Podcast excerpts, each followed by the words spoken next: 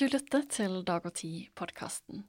Og dette er den siste episoden på ei stund, for Dag og Tid-podkasten tar en pause nå. Abonner på podkastkanalen vår for å holde deg oppdatert. Men før vi tar pause, så skal du få høre en av lydartiklene våre. Hver uke leser vi inn et utvalg artikler som abonnentene våre kan lytte til. Og denne veka skal du få høre en kommentar av Eirik Holmøyvik. Han skriver annet at en artikkel av to konservative jusprofessorer i USA kan true kandidaturet til Trump. Kommentaren er lesen av meg, Sofie Mai Rånes.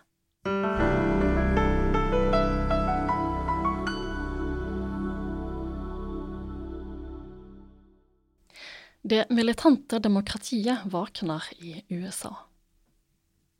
Trass i de alvorlige skyldningene er Trump fremdeles den mest populære presidentkandidaten hos republikanerne. I midten av august dukker det opp et juridisk skjær i sjøen som kan snu opp ned på alt for Trump. Kommentaren er skriven av Eirik Holmøyvik, professor på juridisk fakultet ved Universitetet i Bergen. I en monumental 126 sider lang artikkel i et juridisk fagtidsskrift har de to jusprofessorene William Bode og Michael Stokes Polson konkludert med at den amerikanske grunnlova rett og slett forbyr Trump å stille som kandidat i presidentvalget. De viser til det lite omtalte tredje leddet i det 14. grunnlovstillegget fra 1868. Det sier at en person som gjennom et offentlig verv eller embete har avlagt eid til den amerikanske konstitusjonen, og som senere har engaged in insurrection or rebellion mot konstitusjonen, ikke kan ha noe offentlig verv eller embete. Ei slik nekting av å stille til valg kan bare overstyres av Kongressen med to tredjedels flertall. Bode og Polson skriver at forbudet gjelder automatisk og er bindende for alle med offentlige verv og embete. Konkret betyr det at alle valgfunksjonærer og dommere på føderalt nivå og delstatsnivå plikter å nekte Trump å registrere seg som kandidat, og til å underkjenne valget dersom han skulle vinne. Det 14. grunnlovstillegget ble vedtatt i 1868 for å hindre at tidligere sørstatspolitikere kunne velges til offentlige verv, og slik undergrave de institusjonene som vant fram i borgerkrigen. I artikkelen søker Bård og Poulsen å vise at grunnlovsfedrene den gangen ikke mente å avgrense verknaden til oppgjøret etter borgerkrigen. Det 14. grunnlovstillegget skulle verne konstitusjonen også i framtida.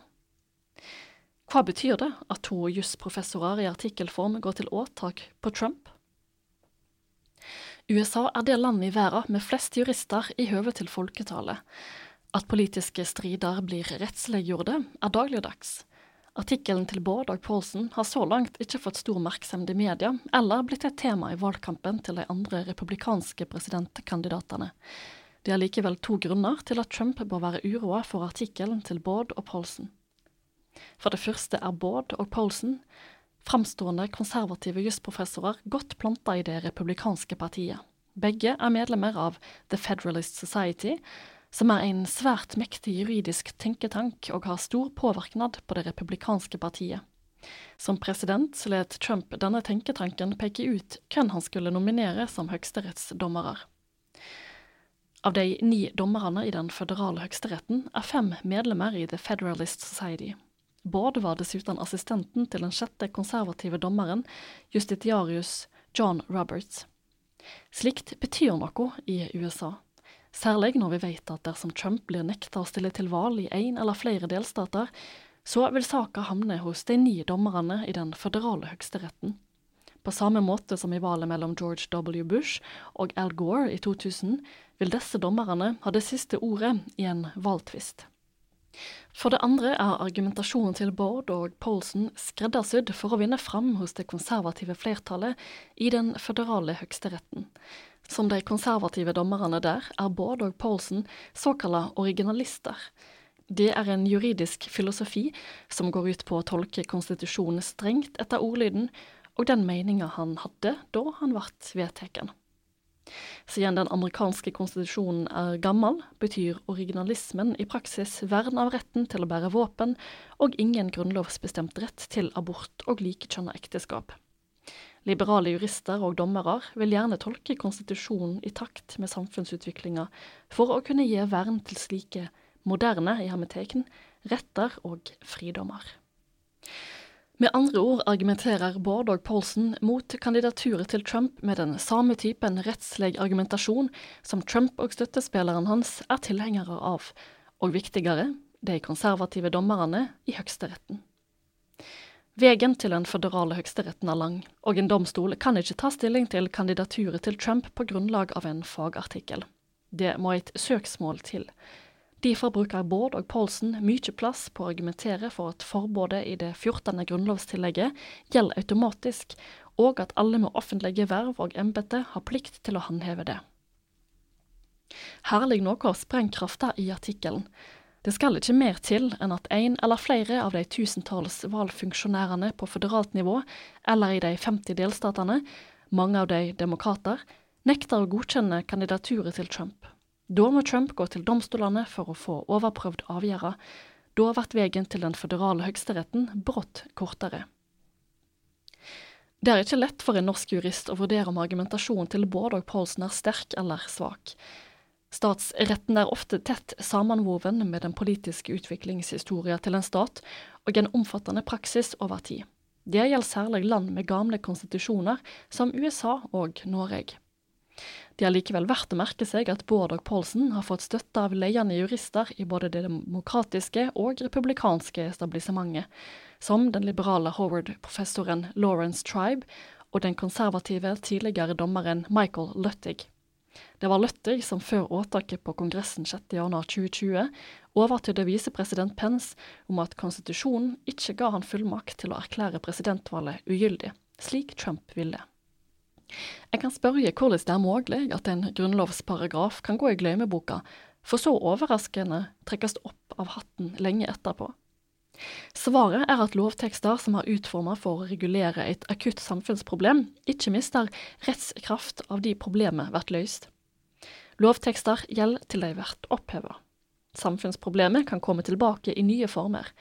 Grunnlovsparagrafer som en har tenkt på som avleggs, kan brått bli aktuelle.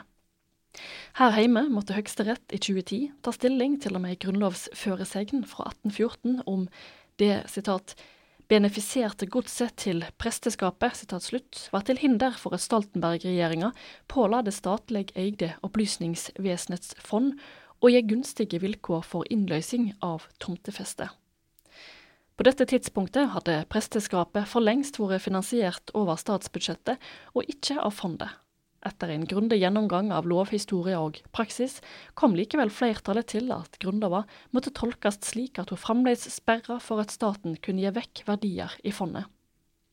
I Europa er vi ikke ukjente med at demokratiet har juridiske våpen mot de som vil bruke ytringsfridommen og retten til å stille til valg, til å undergrave demokratiet. Etter oppløsninga av de kommunistiske diktaturene i Sentral- og Øst-Europa i 1989 til 1990 vedtok det nye demokratiet konstitusjoner og valglover som forbød kommunistpartiet og nekta sentrale personer i det gamle regimet å stille til valg. Den europeiske menneskerettsdomstolen godkjente disse lovene med grunngivinga at demokratiet må kunne verne seg sjøl. Europeerne hadde lært av bitre erfaringer fra mellomkrigstida.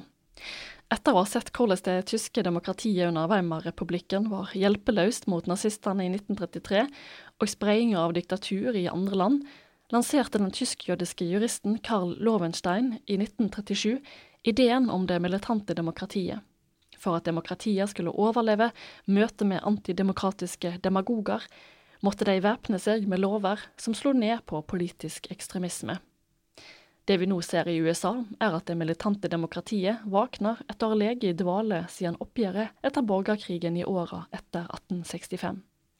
De konstitusjonelle våpnene blir retta mot en tidligere president som ikke vil konstitusjonen og demokratiet godt.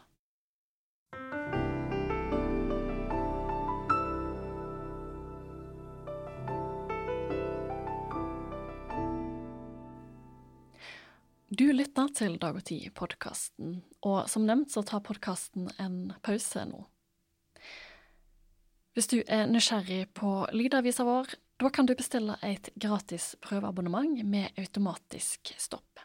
gå inn på dagogtid.no prov. Takk for at du lytta.